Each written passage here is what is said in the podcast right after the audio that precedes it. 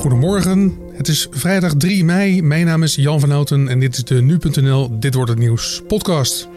En vandaag gaan we het hebben over de mazelen. Een ziekte waarvan je dacht dat we die wel onder controle hebben, maar het aantal gevallen neemt weer toe. Als je kijkt naar uh, Europa dit jaar, dan zijn er in Europa al enkele tientallen kinderen uh, dit jaar doodgegaan aan de mazelen. Dus het is, het is een dodelijke ziekte. Straks praten we met Carolie Illy, kinderarts en voorzitter van de Nederlandse Vereniging voor Kindergeneeskunde. Maar eerst kort het belangrijkste nieuws van nu. Tientallen gemeentes moeten ingrijpend bezuinigen omdat de zorgtaken die zij erbij hebben gekregen flink duurder zijn dan begroot. Dat meldt de Volkskrant deze ochtend. De bezuinigingen gaan ten koste van bibliotheken, cultuur en onderhoud aan wegen en gebouwen. Ook wordt de gemeentebelasting vaak verhoogd. Vooral de jeugdzorg is voor twee derde van de gemeentes een probleem. Sinds 2015 is de financiële verantwoordelijkheid voor de zorgtaken overgegaan van de overheid naar de gemeente. Minister Hugo de Jonge van Volksgezondheid erkent het probleem en gaat op zoek naar extra geld. Een week nadat orkaan Kenneth over het noorden van Mozambique is getrokken, is cholera uitgebroken in het gebied. De zware regenbuien zorgden voor vernietigende overstromingen. Het dodental als gevolg van de orkaan staat inmiddels op 41 slachtoffers. Duizenden mensen kwamen vast te zitten in het rampgebied. Een maand geleden werd Mozambique ook al getroffen door een orkaan en ook daarna brak cholera uit. Toen kwamen ruim 900 mensen om het leven. Een grote marktplaats op internet waar veel illegaal spul is te koop is overgenomen door de Europese politieorganisatie Europol. Het gaat om de marktplaats Wall Street Market op het zogenaamde Dark Web, een onderdeel van internet dat niet te bereiken is via zoekmachines. Op Wall Street Market werd drugs aangeboden, maar ook diensten die te maken hebben met computercriminaliteit, zoals gijzelsoftware en virussen. Gebruikers die de website bezoeken zien nu een melding dat die is overgenomen door de Duitse federale recherche Bundeskriminalamt. Tussen de logo's op de site staat ook die van de Nederlandse politie en het Openbaar Ministerie.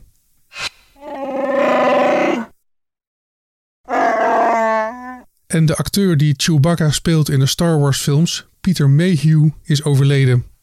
Afgelopen dinsdag stierf hij in zijn huis in Texas aan de gevolgen van een hartaanval, omringd door zijn familie. De boomlange Peter Mayhew speelde de harige Wookiee in zes Star Wars films. Van de originele Star Wars uit 1974 tot en met The Force Awakens uit 2015. Het karakteristieke stemgeluid van Chewbacca kwam overigens niet van Peter Mayhew zelf, maar was een samenraapsel van de geluiden van onder andere kamelen, beren, walrussen, konijnen, tijgers en dassen. In de recente films werd de rol van Chewbacca overgenomen door Jonas Suotamo, hoewel Mayhew wel als consulent betrokken bleef. Peter Mayhew is 74 jaar geworden. En dan dit wordt het nieuws, oftewel dit was het nieuws de afgelopen maand. Ik lees even enkele nu.nl nieuwskoppen voor. Drie kinderen op kinderdagverblijf in Den Haag getroffen door mazelen.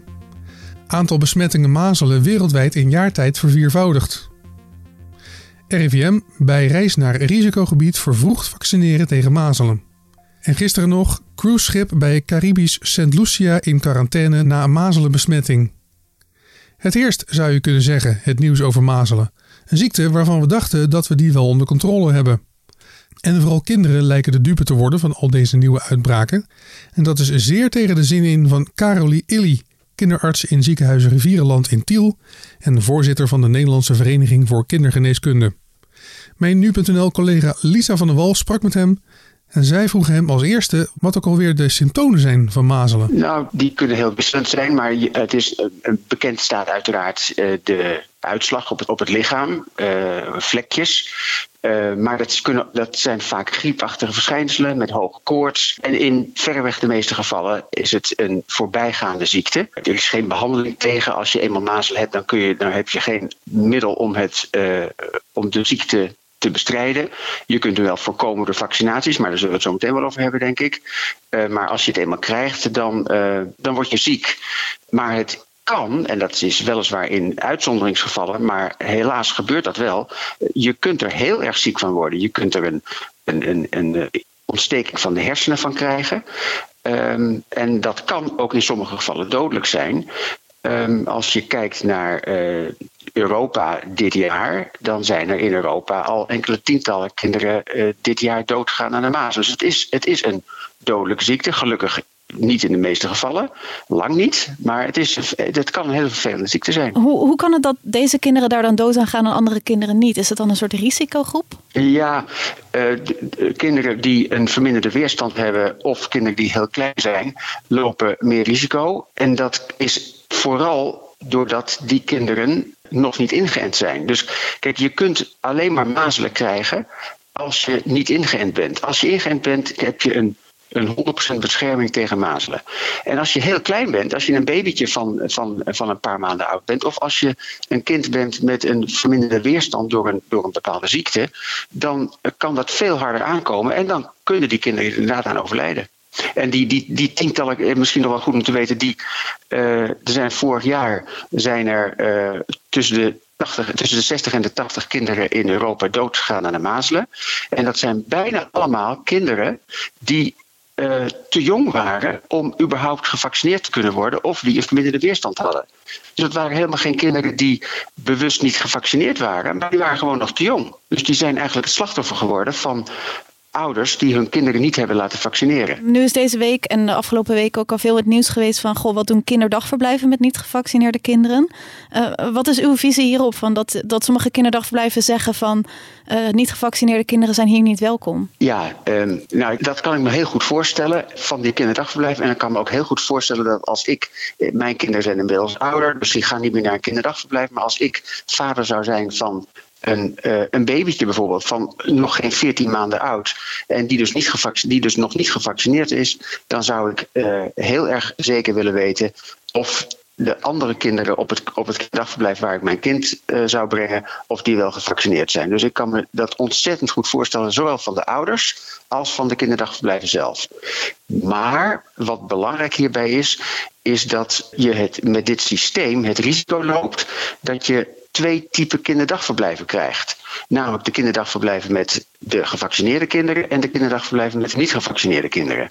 En dat heeft wel bepaalde risico's in zich, omdat je daarmee um, ja, een, uh, een verzameling van niet gevaccineerde kinderen. En daarmee loop je een groter risico dat mazelen de kans krijgt om weer op te duiken. Als in een uitbraak van mazelen? Precies, precies. In 2013 was natuurlijk ook de, die uitbraak in de Bijbelbelt waar, uh, waar je een, een grote concentratie hebt van kinderen die niet gevaccineerd zijn. En dan krijgt mazelen gewoon meer kans. Om, om, om doorgegeven te worden? Om doorgegeven te worden. Dus als het eenmaal uh, daar een, een, uh, één kind de mazelen krijgt, dan, dan zijn de kansen dat dat vervolgens wordt verspreid en wordt doorgegeven, zijn vele malen groter. En daarmee dus ook de kans op een uitbraak. En, en wat kunnen ouders eigenlijk doen naast dus het vaccineren van hun kind om ervoor te zorgen dat, dat hun kinderen zo veilig mogelijk zijn? Uh, kijk, als jouw kind gewoon gevaccineerd is, hoef je nergens zorgen over te maken.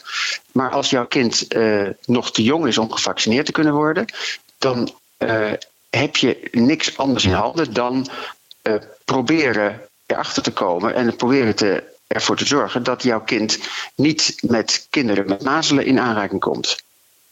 En ja, uh, ik, ik, daar heb ik niet de wijsheid in pacht, maar uh, ik kan me dus voorstellen dat ouders vervolgens tegen uh, het, hun kinderdagverblijf gaan zeggen. Uh, en hoe zit het met, uh, met de andere kinderen die hier op het kinderdagverblijf komen? Wat ik ook interessant vond, we zagen het eigenlijk al een tijdje in de, in de Bijbelbelt. En volgens mij ook delen van Zeeland zag ik op de kaart. wat ik vooral opvallend vond, is dat het ook in de Randstad nu steeds, ja, steeds vaker gebeurt. Kunnen we dat zeggen? Oh, dat het daar nu meer klinkt? Ja, nou, dat mag je zeker zeggen. Dit, dit, wat, wat, we zien is dat er steeds minder, uh, dat er een daling is van het aantal kinderen dat gevaccineerd wordt. Um, eerlijk gezegd, niet zozeer in de Bijbelbelt, maar wel bij um, ouders in de randstad die uh, um, hun informatie van het internet halen. En dat is eerlijk gezegd allemaal nepnieuws. Uh, en daar maak ik me ontzettend veel zorgen over dat er zoveel. Daarom ben ik blij dat jij mij belt, omdat ik ervan uitga dat nu.nl geen netnieuws verspreidt. En, maar die ouders die halen hun nieuws van kanalen uh, met, met uh, bewezen onjuiste informatie. en laten zich daarmee in de luren leggen. en denken dat ze daarmee hun, kind, hun kind een goede dienst bewijzen. Maar dat is gewoon niet het geval. En ja, wat ik al eerder zei. Als je het al niet doet voor je eigen kind, doe het dan in ieder geval voor al die kinderen die nog te jong zijn of die een verminderde weerstand hebben. Want die lopen de grootste risico's. En uh, dus ik vind het echt uh, ja, heel erg onverantwoord. En de staatssecretaris heeft het laatst gehad over naaste liefde. Het heeft ook met naaste liefde. Het heeft gewoon te maken met, een, met goed burgerschap. Dat je gewoon je kind laat vaccineren. Het is veilig. En het is heel erg belangrijk dat we, uh, nou ja, dat we onze kinderen beschermen. Er wordt ook gesteld, het gaat hier om een onschuldige kinderziekte die je gewoon even moet doormaken. Um, uh, kunt u misschien kort zeggen waarom dat eigenlijk niet waar is? Het is waar dat het een kinderziekte is. Het is niet waar dat het een onschuldige kinderziekte is. Het is een, uh, het is een ziekte die uh, in, in een grote meerderheid van de gevallen inderdaad onschuldig verloopt, maar in een minderheid van de gevallen heel ernstig kan verlopen, tot invaliditeit kan leiden en ook tot de dood kan leiden.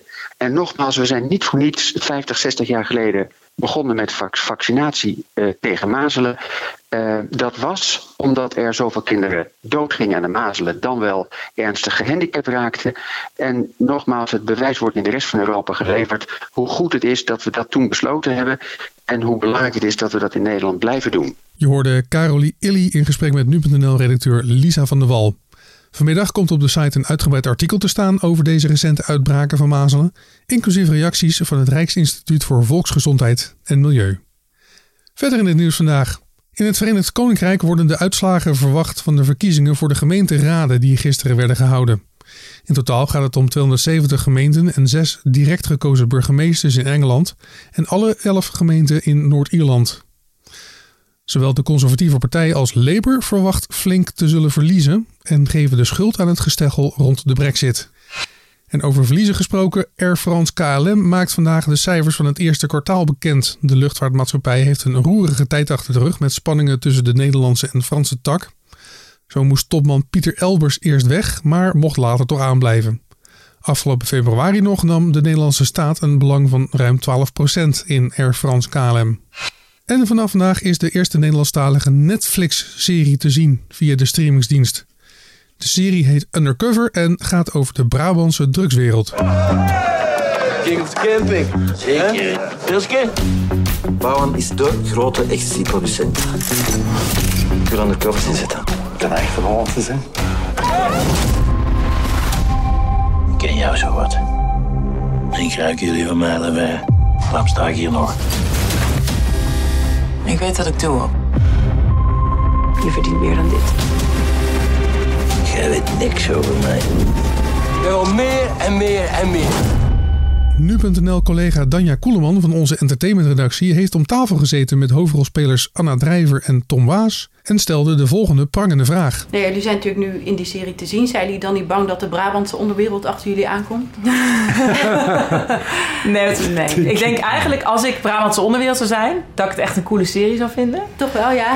Ja, omdat die personages allemaal zo cool zijn en zo mooi en goed. En uh, ja, wat ik ja. zei, hoe Frank Lammers het, uh, zijn, zijn rol neerzet. Ik zou gevleid zijn. Ik denk dat ze het eerder cool mogen vinden dan dat ze denken, oh jee, ja. toch? Oh jee, ja, ja ik denk als je daar telkens zorgen moet over maken als acteur, ja, dan kan je geen narcos meer maken, dan kan je nee, niks meer maken. Inderdaad, precies. Ja. Nee, ja. Het hele interview met de cast van Undercover is vandaag te lezen en te zien op nu.nl. En dan het weer. Het is vandaag wisselend bewolkt en in de noordelijke helft van het land kan een enkele bui vallen. Er waait een matige tot vrij krachtige noordwestenwind en de maxima liggen rond 10 graden. Het weekend verloopt ook wisselvallig en met een graad of 10 mogen we dat best koel noemen. Beide dagen kunnen buien vallen met kans op hagel en onweer. De stevige noordwestenwind maakt het voor het gevoel nog wat kouder.